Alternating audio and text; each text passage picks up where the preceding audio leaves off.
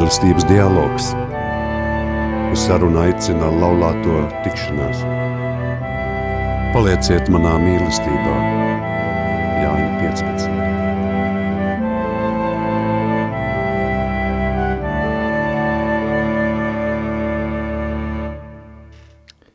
Pāvests Francisks pamudinājumā ģimenē mīlestības līksmē teicis, Dievs liek ģimenē tēvu, un viņš ar savu vīrišķības, vērtī, lai viņš ar savām vīrišķības vērtīgajām īpašībām būtu tos sievai un dalītos ar viņu visā priekos un bēdās, grūtībās un cerībās. Lai būtu tos bērniem viņu augšanā, kad tie spēlējās un kad tie iesaistās darbos, kad tie ir bezrūpīgi un kad ir satraukti – kad pauž savu viedokli un kad klusē, kad uzdrošinās un kad baidās, kad kļūdās un kad atrod īsto ceļu. Tēvs vienmēr ir klātesošs. Tāpat pāvests Francisks arī raksta, ka daži tēvi jūtas lieki un nevajadzīgi, bet patiesībā bērniem ir vajadzīgs tēvs, kurš viņus sagaidītu, kad tie pēc piedzīvotas neveiksmes atgriežas mājās. Bērni, protams, dara visu, lai to neatzītu un lai citi to nepamanītu, bet tēvs viņiem ir vajadzīgs. Labvakar!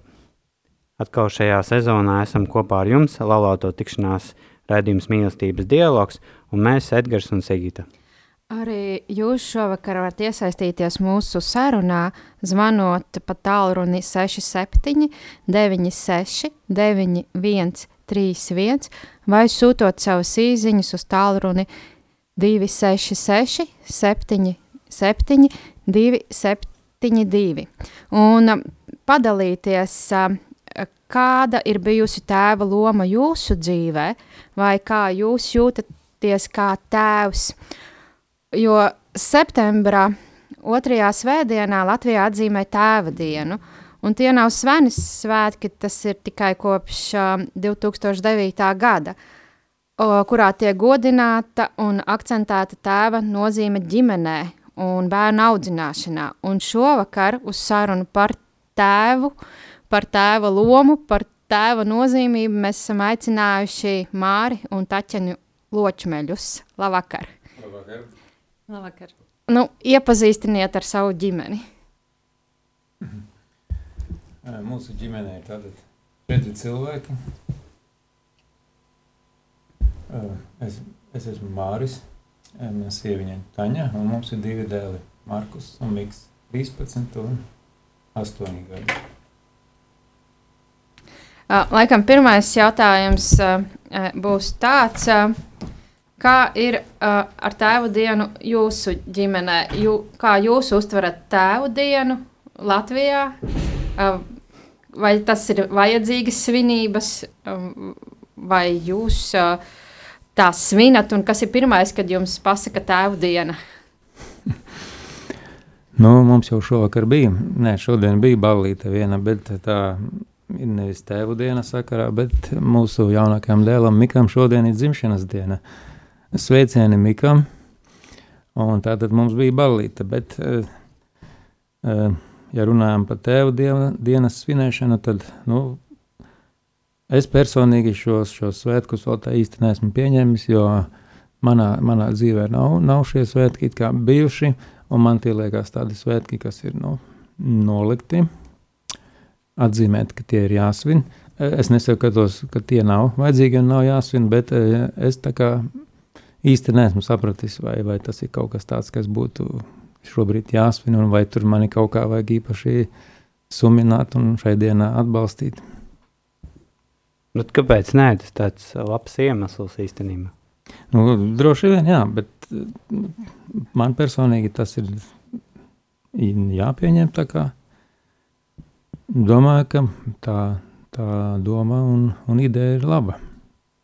Jo, jo es lasīju tādu atziņu, ka šī tēva diena Tēvdiena, atzī, tēvdiena atzīmēšana ir nepieciešama, lai tieši aktualizētu un akcentētu svarīgo vīriešu lomu un funkciju sabiedrībā.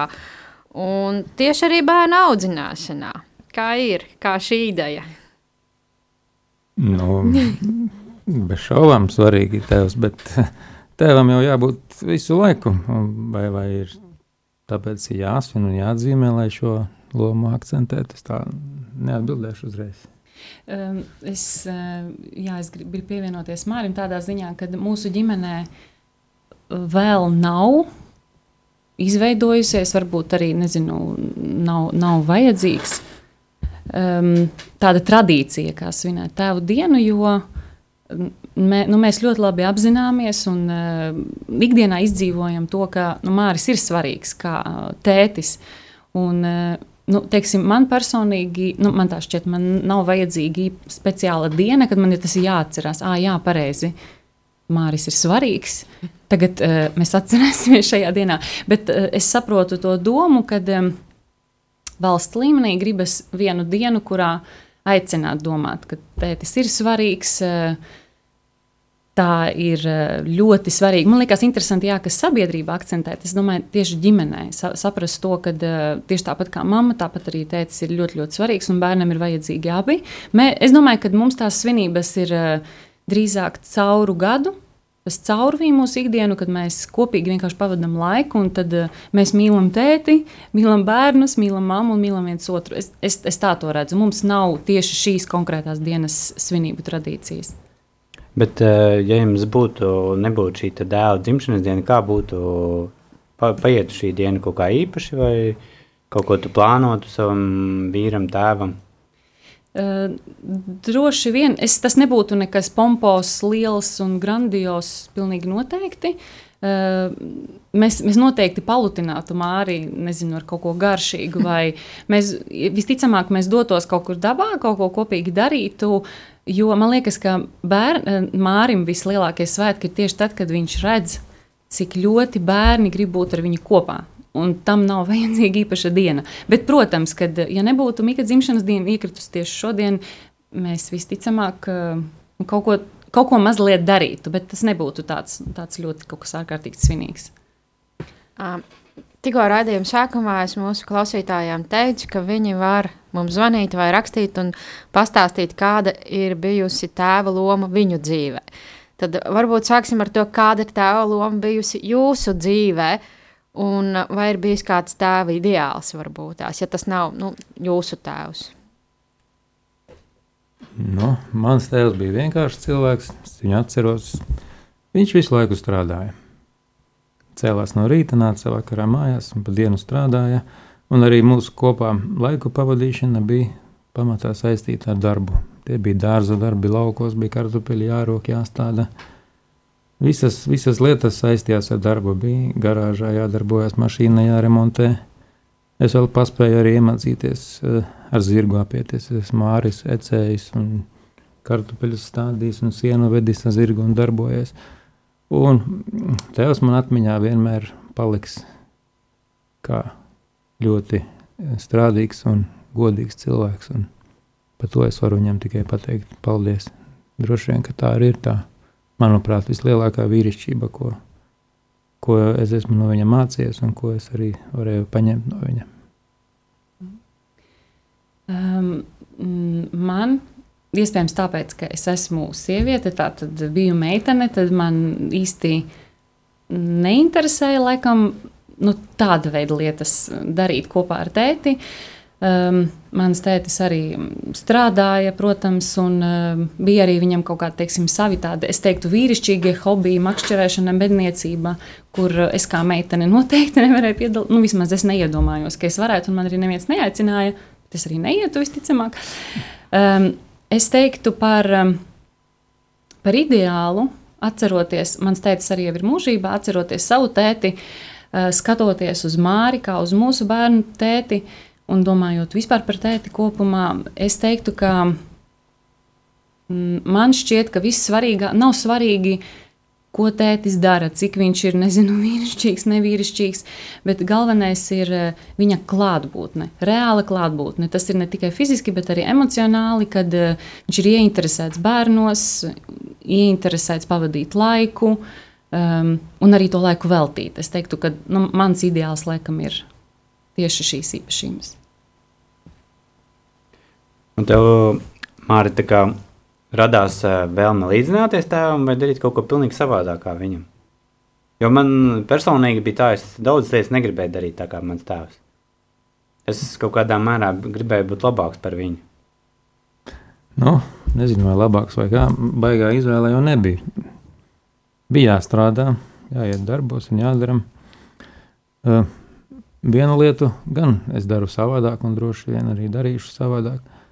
Kā jau es minēju, mans tēvs bija, viņš visu laiku strādāja. Praktiski man nav nekādu lielu citu atmiņu par kaut kādām mūsu uh, nodarbībām, kaut kāda brīvā laika pavadīšanu, spēlēm, vēl kaut ko. Visas atmiņas ir praktiski ar un par pa darbu. Nu, protams, kaut kādas svētki ir palikuši atmiņā, kur viņš atvērās. Viņš bija savādāks, bet, bet kaut kādas tur kopā laika pavadīšana, kaut kādi kopīgi pasākumi ārpus darba praktiski tāds nekas nebija. Nu, to mēs cenšamies, to mūsu ģimene cenšas darīt. Bet uh, runājot nedaudz par šo, šo tiem, šiem jēdzieniem, par tēvu, kā, ja tā tu vari raksturot, ko nozīmē būt tēvam? Tieši tev. Tieši tev, jā. Kas tas ir tēvs? Nu, tēvs pirmām kārtām tā ir atbildība par saviem bērniem. Es agrāk pat iedomāties nevarēju, kā tas, kā tas varētu būt. es desmit gadi nostrādāju skolā par sporta skolotāju. Man daudz bērnu bija apkārt no rīta līdz vakaram. Nu, var teikt, ka šos desmit gadus es veltīju bērniem. Kopā mēs uzcēlām sporta zāli, tur visu, visu darījām kopā. Un, un bija daudz bērnu, bet es nekad nevaru iedomāties, ka, nu, kā ir, kad ir savējie bērni. Atceros, skolotāji tur un direktore teica, nu, rekāds varētu būt ļoti labs tētis un droši vien būs labs tētis. Es par to tad, nu, tā nedomāju. Nu, Nu, forši tādi vārdi, jā, bet kā būs pašam? Un tagad, kad, kad pašam savi dēli, tad ir grūti tās sajūtas ir aprakstīt. Gribās, lai viņi izaug par labiem cilvēkiem. Gribās, gribās pasargāt. Es domāju, bieži vien kāds tur varētu notikt, ja kaut, kaut kas notiek, kā viņiem kāds pāri nodarīs, vai nedod Dievs, kāds karš vai vēl kaut kas. Un man, man tajā brīdī ir ļoti nu, nezinu, tā kā bail, man ir uztraukums par viņiem. Tad es domāju, kā es varētu tur pasargāt, kā rīkoties un ko darīt. Tās, jā, tādas bailes un uztraukums par viņiem ir. Bet, bet šīs bailes un uztraukums tās ir tādas labas sajūtas. Un, un, un bieži vien par viņiem domājot, paliek silti ap sirdi. Pat ja tur kādreiz viņi neklausās, un mēs sastrīdamies un sadusmojamies, tāpat, tāpat tas ir patīkami. Mēs atnākam mājās vakarā, un viens tur skrien pa gaitēniem, palecās un uzlec apkampi. Tās, tās sajūtas ir foršas. Varbūt uh, tu kaut ko no sevis gribi pie, pie, piebilst, Aņa. Kas tad ir tēvs pēc tavas definīcijas? Labs un grūts jautājums. Um, es domāju par to, ka tikpat cik ļoti atšķirīgi un dažādi ir bērni, eh, gan temperamenta ziņā, gan rakstura ziņā, gan ar teiksim, saviem dotumiem, um, tik arī konkrētais vīrietis. Um, tas ir liels izaicinājums būt tētim un labam tētim visiem bērniem. Jo vienas ģimenes mums ir divi puikas, un viņi ir pilnīgi atšķirīgi. Un, um, Es domāju, ka tas tāpat arī kā manai mammai esot, tie ir izaicinājumi. Ar, teiksim, kaut kādās situācijās ar vienu ir vieglāk, ar otru ir grūtāk. Tad ir kaut kādas citas situācijas, kur atkal ar otru ir grūtāk un, un ar pirmo ir vieglāk. Un, um, es domāju, ka teiksim, mammai un tētim ir jābūt kaut kādā ziņā komandā, kad mēs arī um, viens otru pieskatām, papildinām, teiksim, tur, kur man neiet, tur Māris pieslēdzas un, un otrādi. Un, um, man liekas, galvenais tas, ka viņi piedzīvo abus, nu, jā, un, ka, un ka tētim ir uh, interese. Laiks un vēlēšanās. Tās varbūt nebūtu tehniskas lietas, jo man liekas, ka tāds stereotips ir, ka visiem vīriešiem ir jābūt nu, tādiem ļoti nezinu, ar zelta rokām. Viss ir jāprot, viss ir jādara pašiem. Bet daudziem vīriešiem šādu dotumu nav. Bet viņiem ir citi dotumi. Un es domāju, ka arī tāds vīrietis var būt ļoti labs tētis. Vienkārši ir jāatrod tā, tas, tas savs, kas, ko tu vari dot bērniem, kas bērniem patīk. Tas ir jādara. Vienkārši bērniem īstenībā neko daudz nevajag. Viņi vienkārši grib būt kopā, vienkārši pavadīt laiku kopā. Bet labs uh, vīrs ir reizē arī labs tēvs un otrādi, vai tas nav obligāti? Labs tēvs ir arī labs vīrs. Es domāju, ka es nevaru teikt, ka var vilkt vienādības zīmi. Nē, Es, es domāju, ka nē. Jo vīrs tās ir attiecības ar sievu, un tēvs tās ir attiecības ar bērniem. Tur, tur tā, nē, nē, nē. laikam īsti nav vienādi. Sieviete kaut ko var darīt, lai no laba vīra uztaisītu labu tēvu. Mm, es nezinu. Man ir tikai viena pieredze, paldies Dievam. um, Es domāju, ka drīzāk tas ir izaicinājums pašai sievietei. Es pats spriežu pēc sevis. Um, spēt pieņemt to, ka mans vīrs, kā tētis, ir citāds nekā, piemēram, es esmu iztēlojusies, vai kāds būtu mans ideālais tētis, piemēram, un vienkārši ieraudzīt tās lietas, kur viņš ir ļoti labs kā tētis, pat ja tas neatbilst manam ideālam. Es teiktu, ka drīzāk nevajag neko pārtaisīt, piestrādāt, bet vienkārši novērtēt to, ko viņš dara. Un dot iespējas, varbūt eh, nu, darīt vairāk, izpausties, eh, nezinu, mēģināt. Jo mēs ar Māri, kad domājām par šo satikšanos, par, par šo tēmu, eh, mēs nonācām pie tāda secinājuma, ka par labu tēti, tāpat kā par labu mammu, nepiedzimst. Tu kļūsti tieši tāpat kā aprecoties. Tikai tas, ka mēs esam apprecējušies, nenozīmē, ka mēs tagad dzīvosim ilgi un laimīgi. Mums ir kaut kas jādara. Un eh, tieši tāpat arī attiecībās ar bērniem, mēs vienkārši augam līdzi. Tas ir, ir viena bērna dzīves periodi, kuros mēs augam. Vienam ir vieglāk ar zīdaini, citam ir vieglāk ar lielāku bērnu. Tieši tāpat arī uh, Um, ar katru bērnu tas ir atšķirīgi, es domāju, arī mēs vienkārši nobriestam kaut kādas lietas, pie kā mēs, mēs iemācāmies, ko mēs pieņemam, kur mums Dievs atver acis, ka var būt arī šādi, un arī tas ir ļoti labi, un varbūt arī šādi, un arī tas ir ļoti labi, un nav jābūt visiem vienādiem. Un arī pašiem jāmācās.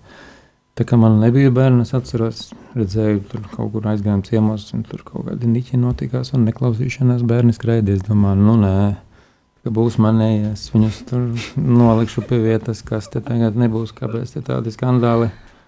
Bet tā kā nāk savēja, tad nav nemaz tik vienkārši. Un, un vecākiem ir jāmācās līdz, līdzi bērni aug, un arī pašiem ir jāmācās, jāatrod tās metodes un veidi, kā, kā tikt. Kā tikt galā ar situācijām, kā, kā viņus audzināt. Jāpieņem arī tas, ka nevienmēr viss sanāks. Un, uh, Un būs arī tie paši niķi, un iespējams, ka arī citi no malas domās tāpat kā es iepriekš, kas tas pat te netiek galā, un kas tas pats ir, ko te mums jāskatās. Kāda tev bija? Tu mēģināji to stingro roku ieviest kaut reizi, vai, vai neveiksmīgi un žēl bija vienkārši, vai, vai kā? Nē, nu, cenšos jau, bet tā, tā druskuļiņa savādāk. Tā kā strādāju skolā, man bija diezgan tāda pamatīga kārtībā jāsaka skolā. Man nebija tur pat divreiz nekas jāsaka, tie bija 90. gadi. Nu, drusku mazliet savādāki tie bērni toreiz bija. Man atlika vienkārši tā dusmīgi paskatīties, un jau viss, visi darīja, viss, viss notikās. Un man liekas, nu, tā jau es ar savējiem arī kādreiz, ja man būs, nu, tad visi klausīs uz, no pirmā acu skatiena, bet, nu, tā nenotiek. Un, un, un ar savējām ir grūtāk. Kaut vai no tā iemesla, ka ģimene mēs esam visu laiku kopā.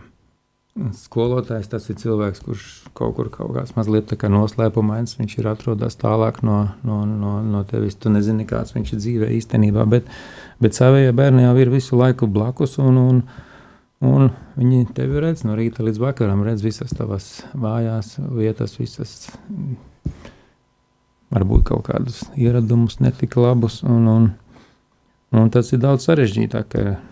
Sakot, pieprasīt kārtību no viņiem, jo viņi var atļauties arī kādreiz tevi neklausīt, aizmukt un izrunāties. Bet nu, visā visumā reizēm es esmu bargs un dusmīgs un, un sakliedzu un saņemu viņus ciet. visā visumā jau es domāju, ka viņi klausa mani. Ir bijuši tie brīži, kad liekas, nu, nu kas tas ir, ka neklausa, un, un tad kaut kādi varbūt pārmetumi sev, ka kaut kas jāpamaina, vai, vai ka, nu, nē, tad es laikam neesmu labs tētis, vai nu, tādi. Un, un kā iziet no tās situācijas? Vai tu esi Taņai kādreiz teicis, ka es esmu nu, galīgi slikts tētis? Izgāzos šajā eksāmenā. Nu, laikam neatceros tādu neko. Nu, grūti reizēm ir situācijas, kad nu, gribās bezmaz vai izvilkt siksnu no šāda pat dibena, bet nevienmēr tā izdodas tā tikt galā.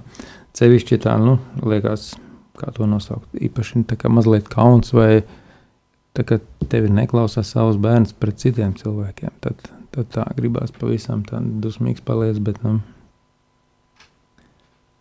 bet kaut kā jau jārisina. Pēc tam mēģinām varbūt parunāties pēc, pēc, šī, pēc šīs situācijas vēlāk mājās vai, vai kādā mierīgos, mierīgākos apstākļos. Es domāju, ka um, es, nu, teiksim, no malas skatoties uz Māriju un skatoties arī pati uz sevi, um, man šķiet, ka mums ir tas, nezinu, padomju skolas mantojums, ja, kad um, bija labie vecāki, viņiem tur bērni, visi sēž skaisti rociņas saliktas, visi paklausīgi, un um, kad tu dzīvo ar kaut kādu tādu ilūziju prātā, kad nu, tas ir iespējams. Cilvēciskās attiecībās ir iespējams, ka visi visu saprot, klausa un viss ļoti skaisti tā nav realitāte. Tas nav iespējams. Un es domāju, ka šie brīži, kad eh, mums liekas, ka mēs nevaram panākt, lai tas mazais cilvēks mūs vai mani klausa, tas drīzāk stāsta par mani. Um, Pirmkārt, ir tomēr jāorientējas nedaudz vecuma posmos, psiholoģiskajās īpatnībās, un bieži vien tā ir mana problēma, nevis bērna problēma. Un visbiežāk tie brīži, kad gribas, nezinu, pacelt balsi, stingrāk kaut ko pateikt, vai nu, kad ir tāds tā, kā, tā strīda eskalācija. Tas ir tas brīdis, kad es jūtos bezspēcīga. Tas ir stāsts par mani. Es netieku galā. Bērnam ar to nav problēmu. Bet es domāju, ka kas ir labais visā šajā, kā mēs jau runājām, kad mēs topam. Mēs neesam piedzimuši, mēs neesam roboti, mums nav atslēgtas emocijas, arī mēs jūtam un pārdzīvojam, un arī mums ir savi ievainojumi, un vājības un problēmas. Uh, Bet uh, tas nozīmīgais man šķiet ir pēc tam, ja ir bijis strīds, ja ir kaut kas gadījies tāds. Uh, izrunāt, atvainoties, ja tas ir nepieciešams. Un, teiksim, man tā ir tāda, tas man bija atklājums pašai priekš sevis attiecībās ar mūsu bērniem, kā arī mammai un tētim ir jālūdz atdošana, ja tu esi bijis vainīgs. Jo es no savas bērnības neatceros vispār tādu domu, ka pieaugušie atvainojās bērniem. Tas nebija vispār tāds fenomens. Uh, Un, es, un, un šis ir tas, ko es esmu atklājusi un mācos, ka tas ir ļoti, ļoti svarīgi. Jo arī mēs, pieaugušie, kļūdāmies, un ja mēs bērniem atvainojamies, tad viņi skatās uz mums ar lielāku cieņu, jo viņi redz, ka mēs redzam paši savas kļūdas, viņas atzīstam un arī respektējam un cienām bērnus, atzīstot savu vainu, kas nav viegli, jo mēs paši kā bērni pieredzējām to, kad vecākiem bija. Es tev teicu, tev ir jāklausa un tev ir jādara. Un tagad es kā vecāks, es esmu tajā vecāka lomā un man ir jāatvainojas. Tas ir ļoti grūti un ne, neparasti un nepierasti.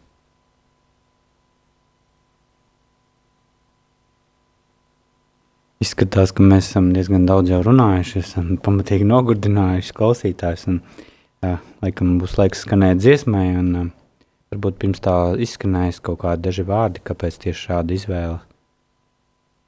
Šī dziesma no kinofilmas Gran Torino, kur galvenajā lomā spēlē Klints Īstots. Un īsumā tur ir tā, ka tas ir vīrs gados, kurš ir iedraudzējis ar diezgan jaunu, 11 gadīgu kaimiņu puisi, kurš dzīvo ģimenē, kur ir praktiski tikai sievietes, un viņš nav nepavisam tāds vīrišķīgs. Un, un tad tas vecais vīrs no kaimiņa mājas sadraudzējās ar šo puisi, un rezultātā palīdz viņam attīstīties par, par vīru. Un, nu, kaut kā tā, un tāda jauka un skaista dziesma no šīs filmas. Klausīsimies!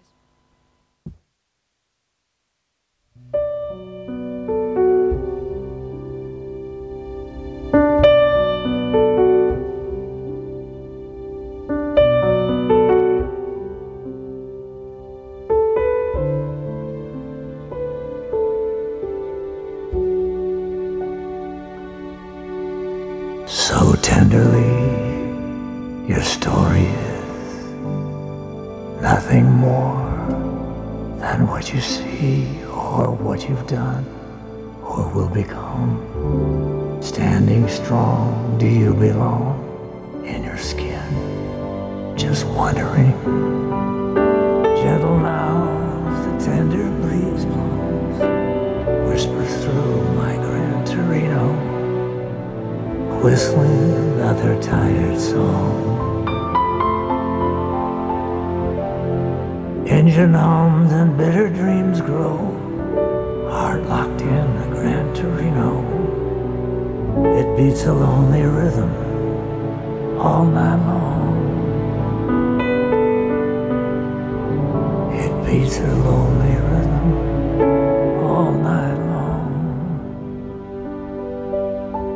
It beats a lonely rhythm all night long.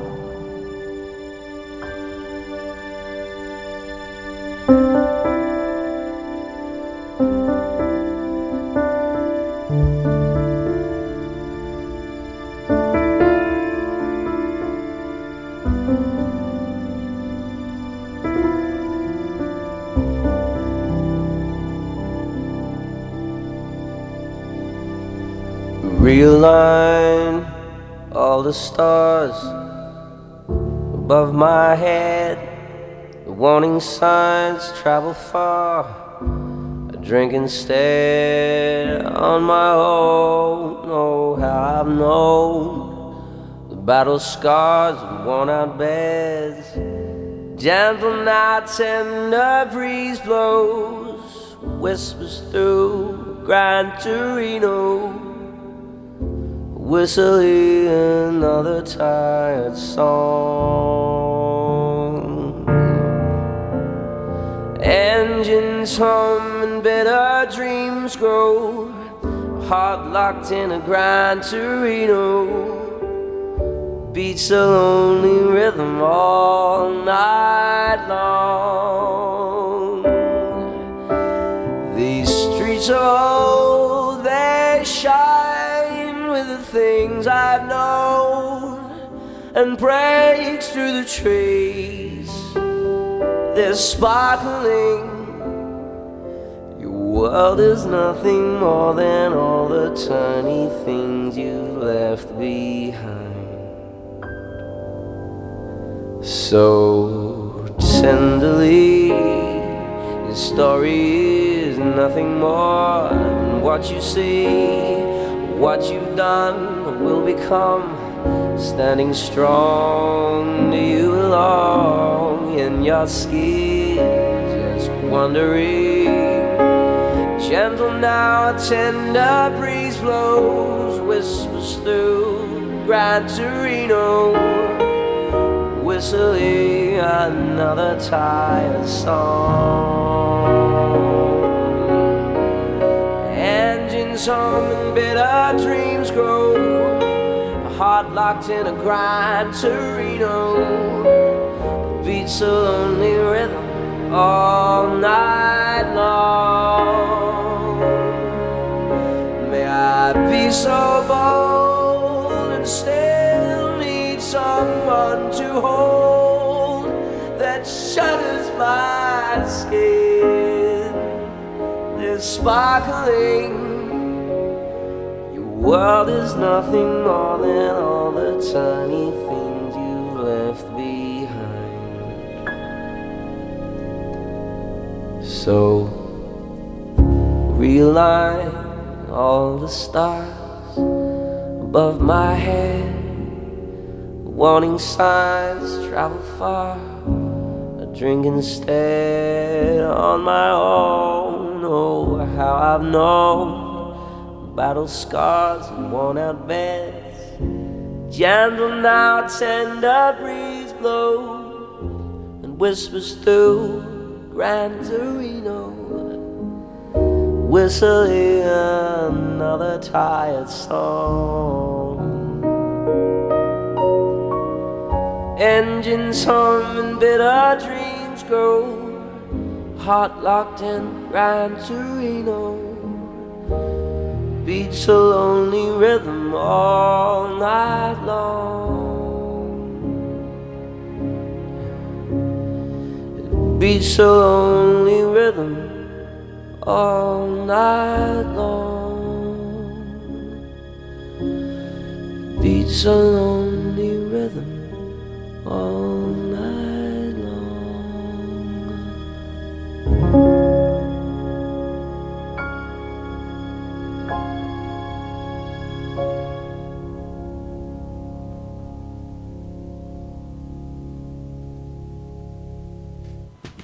Jūs klausāties uh, apvienības laulāto tikšanās raidījuma mīlestības dialogs.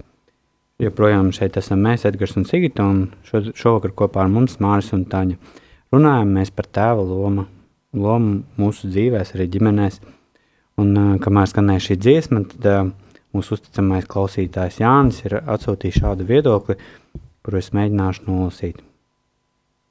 Attiecības ar bērniem veidojas laikā, vietā, sabiedrībā, kurā dzīvojam – Man ar tēvu attiecības veidojās padomu laikā, kad uh, daudz kas tika noklusēts, nerunāts, un par Latvijas, par Latvijas brīvvalsts laikiem, okupācijas seksu.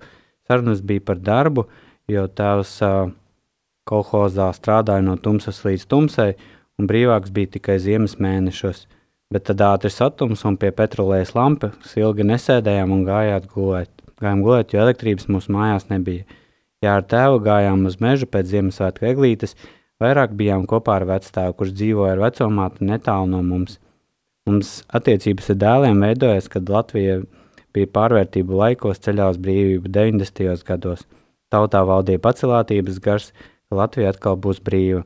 Es piedalījos visos neatkarības atjaunotnes procesos, ģimene to atbalstīja un dēlu to redzēja. Mēs arī par to daudz kopā runājām. Man kā tēvam bija svarīgi, lai dēls dzīvotu Latvijā un nebrauc uz ārzemēm strādāt.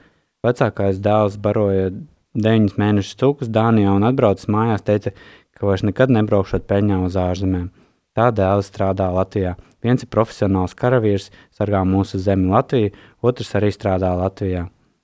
Kad dēli iepazinās ar meitenēm, kuras ir viņu sievas šodien, viņi teica, ka grib laulāties un ņemt par sievām. Kā arī, kad gaidīja bērniņa piedzimšanu, viņa teica, tēt, ma tēt mammu, mums būs bērniņš. Vienmēr mēs respektējām viņa viedokli. Arī mazbērni mums to ir piecdalās ar mums un jautā par valsts neatkarību. Bet galvenais mūsu dēlu ģimene, ka galvenais, ka mūsu dēlu ģimenes ir kopā ar Dievu. Man kā tēvam ir svarīgi lūgt piedošanu, piemēram, kad esam kopā visi pie galda, īpaši lielos svētkos. Jā, arī varbūt pašiem mazākajiem, jo varbūt kādu reizi, ne, kādu reizi kaut, ko, kaut kas nepareizi pateikts un, un viņus tas ir ievainojis. Protams, liela loba ģimenē arī mātei.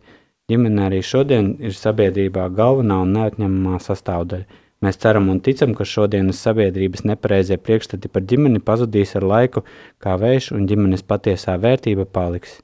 Lai Dievs svētī ģimenes un mūsu dzimto zemi Latviju. Ai, jā, tad varbūt tās arī parunāsim nedaudz par to sabiedrības viedokli un kādiem stereotipiem. Un, un pirmais tāds jautājums man būtu, tad, kā tad ir, vai ir tā problēma ar tēviem? Jo es pirms kaut kādiem vairākiem gadiem dzirdēju vienas psiholoģijas vērtējumu vienai bērndārzu grupiņai, nu bērniem. Viņi bija apmēram 5-6 gadi veci.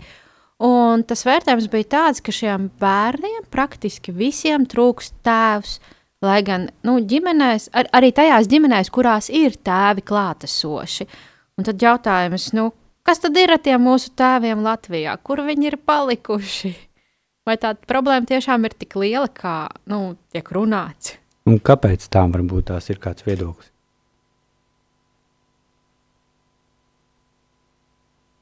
Tā grūti pateikt. Mm. Tā, kā, tā kā es augu, ja tā var teikt, kā jau mēs te iepriekš minējām, arī Jāņa vēstulē dzirdējām, audzināšana praktiski notika caur darbu. Gribētu teikt, ka agrāk visiem bija vairāk fiziski jāstrādā, eh, lai nodrošinātu ģimeni, arī lai, lai būtu ko pāriest. Jo nevienmēr bija tie laiki, kad veikalā varēja visu nopirkt. Bija jāstrādā, un tā visa audzināšana kaut kā tā saistīta bija ar, ar, ar darbu, ar darbošanos. Un līdz ar to arī tēvs bija vairāk ģimenē kopā ar, ar bērniem, ilgāku laiku pavadīja. E, šobrīd, ja mēs skatāmies, tad nu, darbs teiksim, ir pirmdiena, piekdiena. Tēvs strādā, nāk iespējams vēlu mājās, tad bērni neredz, neredz tēvu.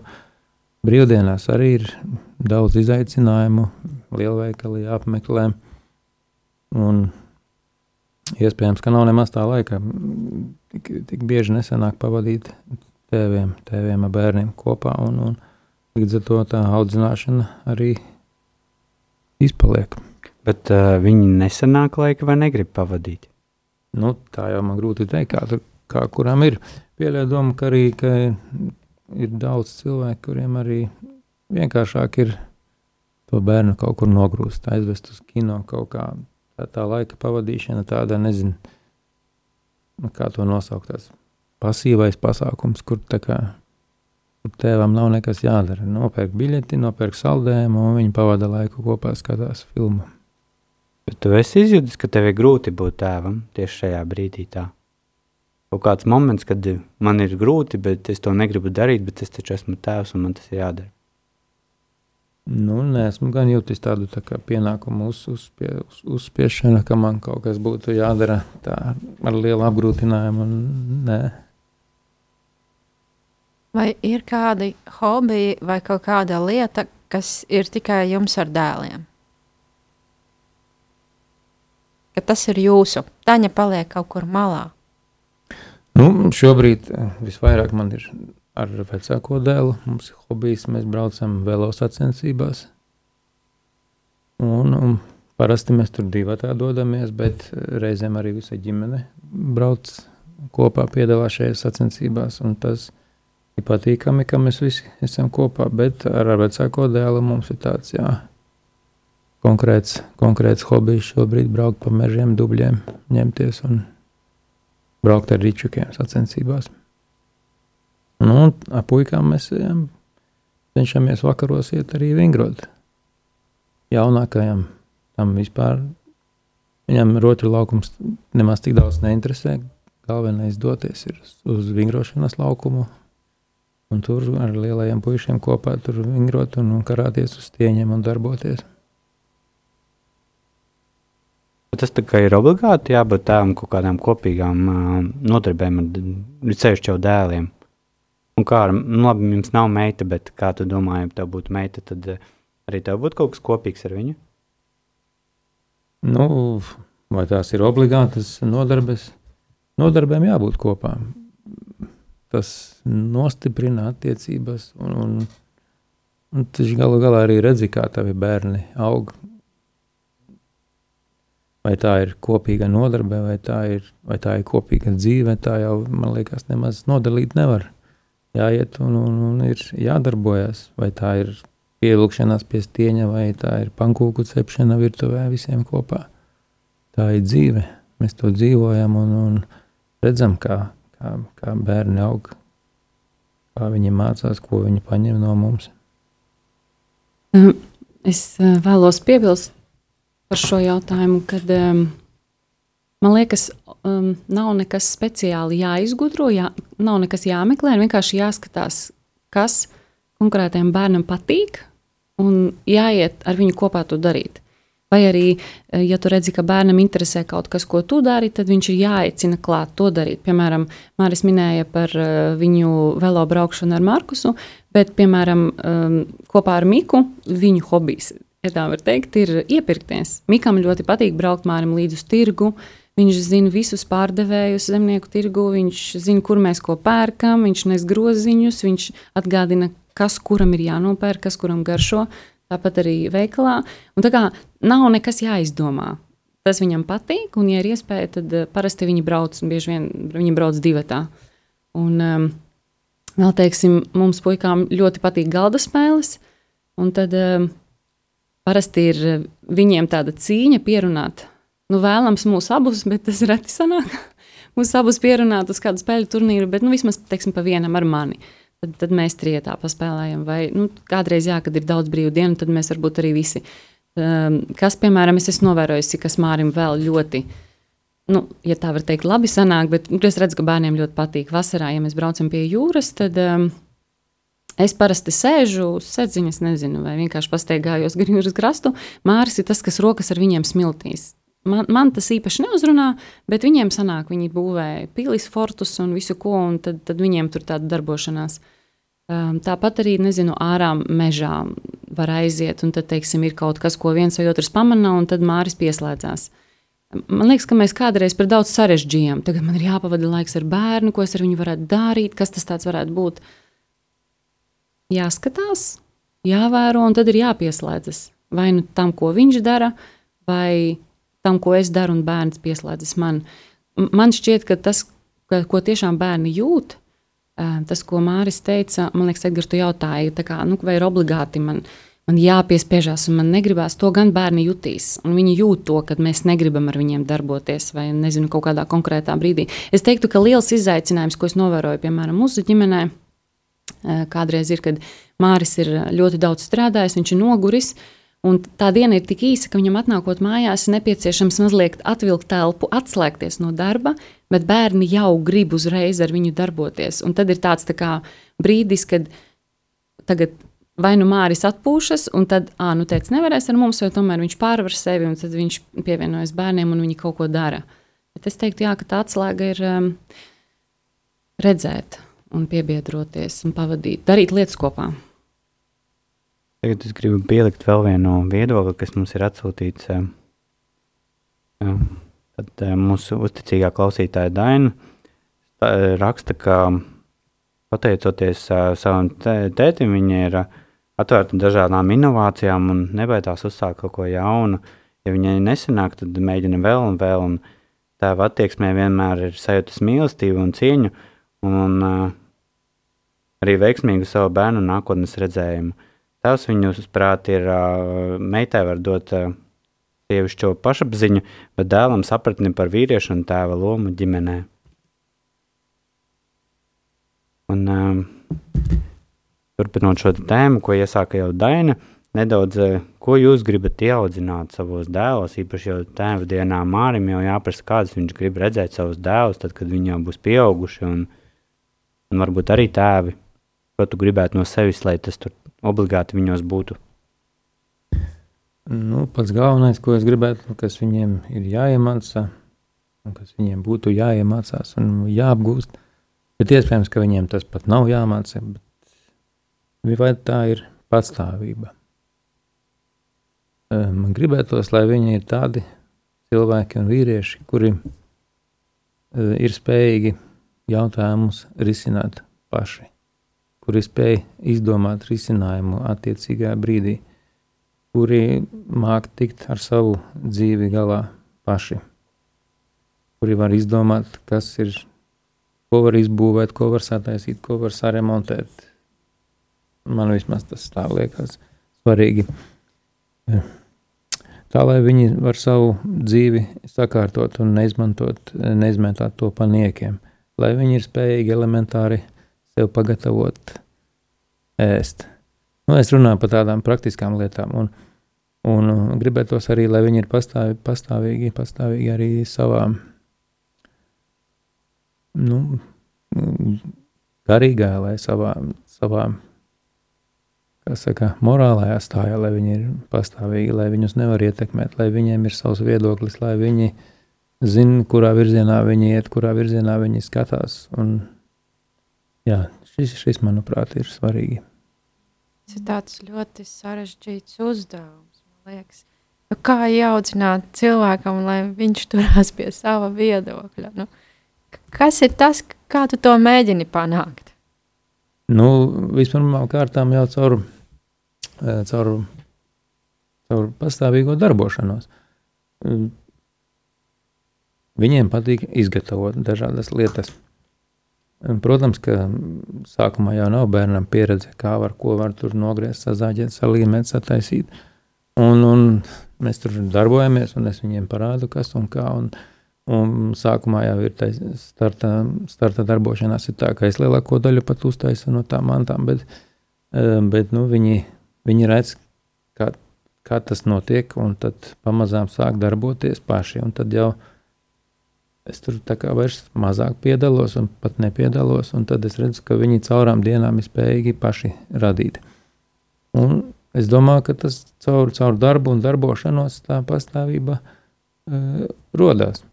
Par to pašu hobiju runājot ar vecāko dēlu, ar Markusu, mēs braucām uz sacensībām. Un bieži vien sanāk tā, ka man jau ir jāstartē prom, Tālāk jau viņam tur pašam ir jātiek galā. Viņam jāizņem numurs, jāreģistrējas, tur jāsagatavojas startam, jāiesildās, jādrūt savi starta koridori.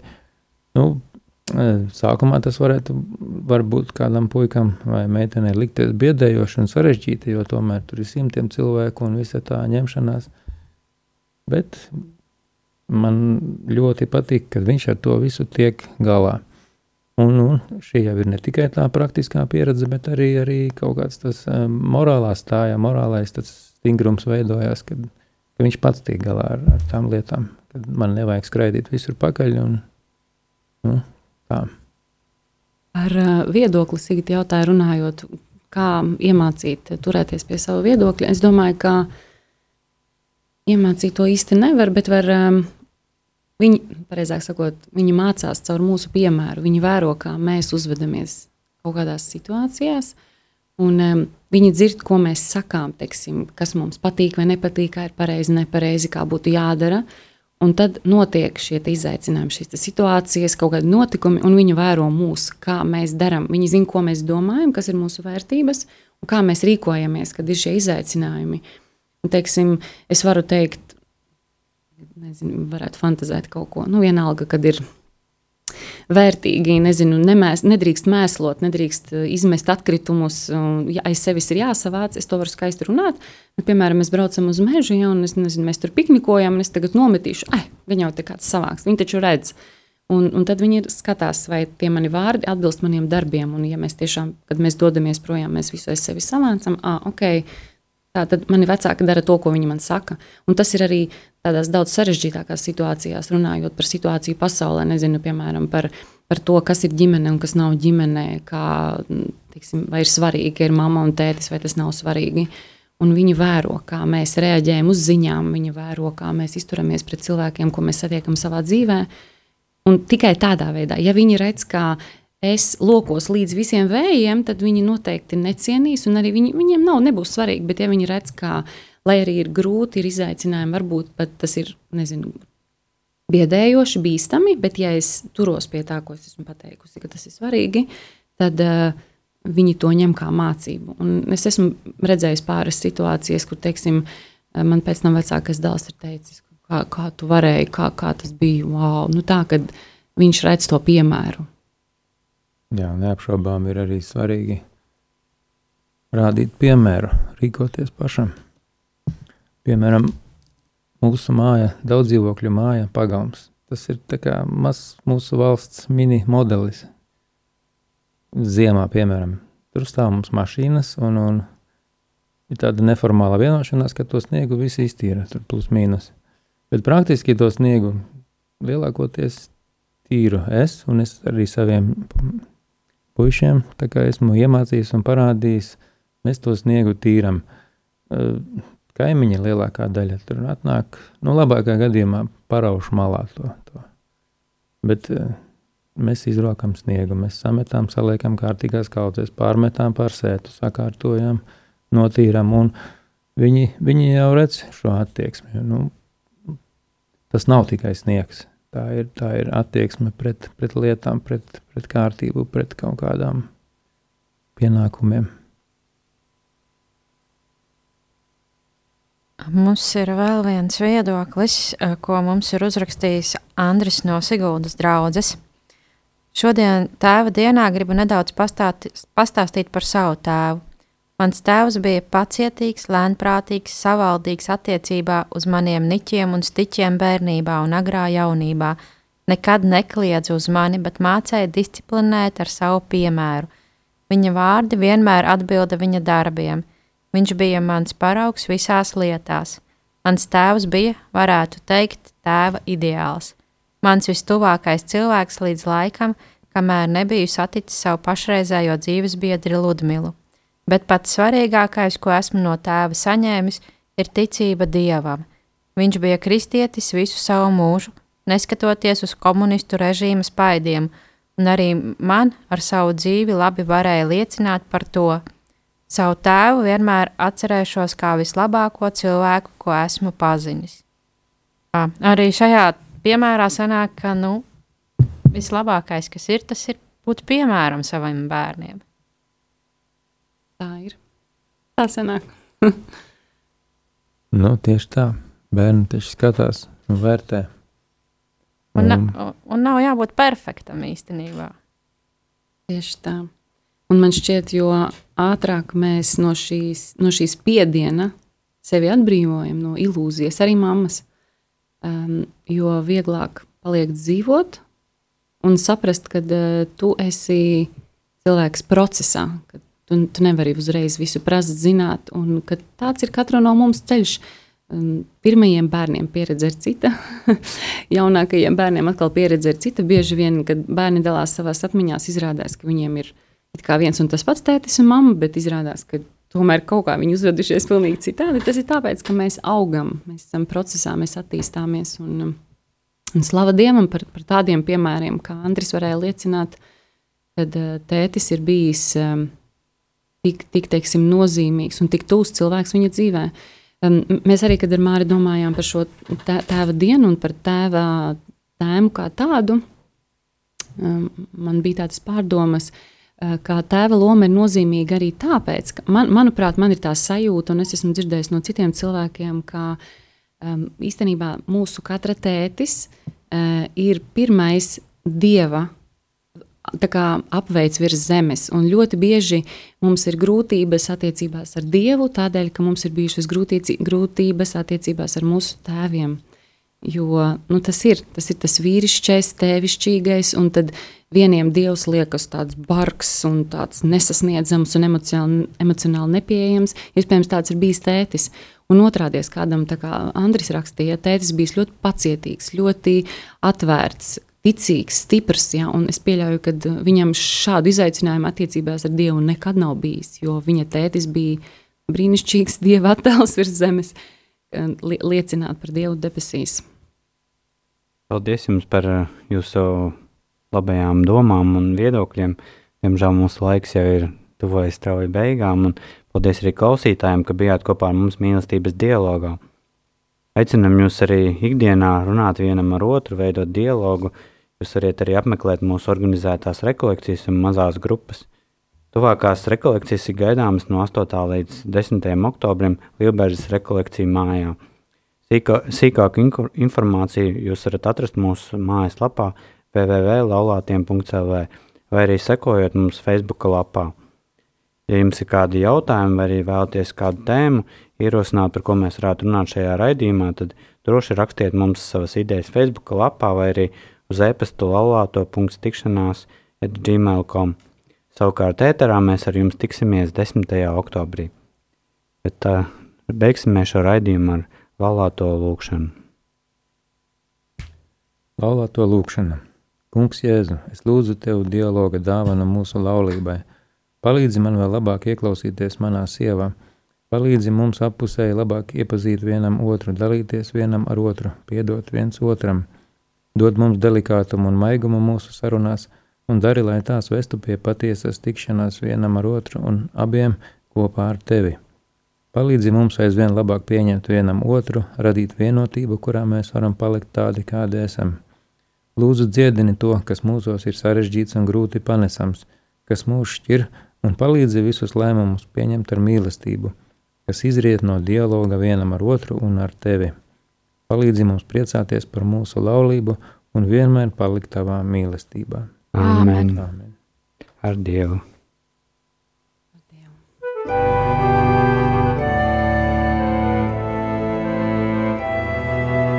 Mīlestības dialogs. Uz sarunu aicina laulāto tikšanās. Palieciet manā mīlestībā, Jāņa 15.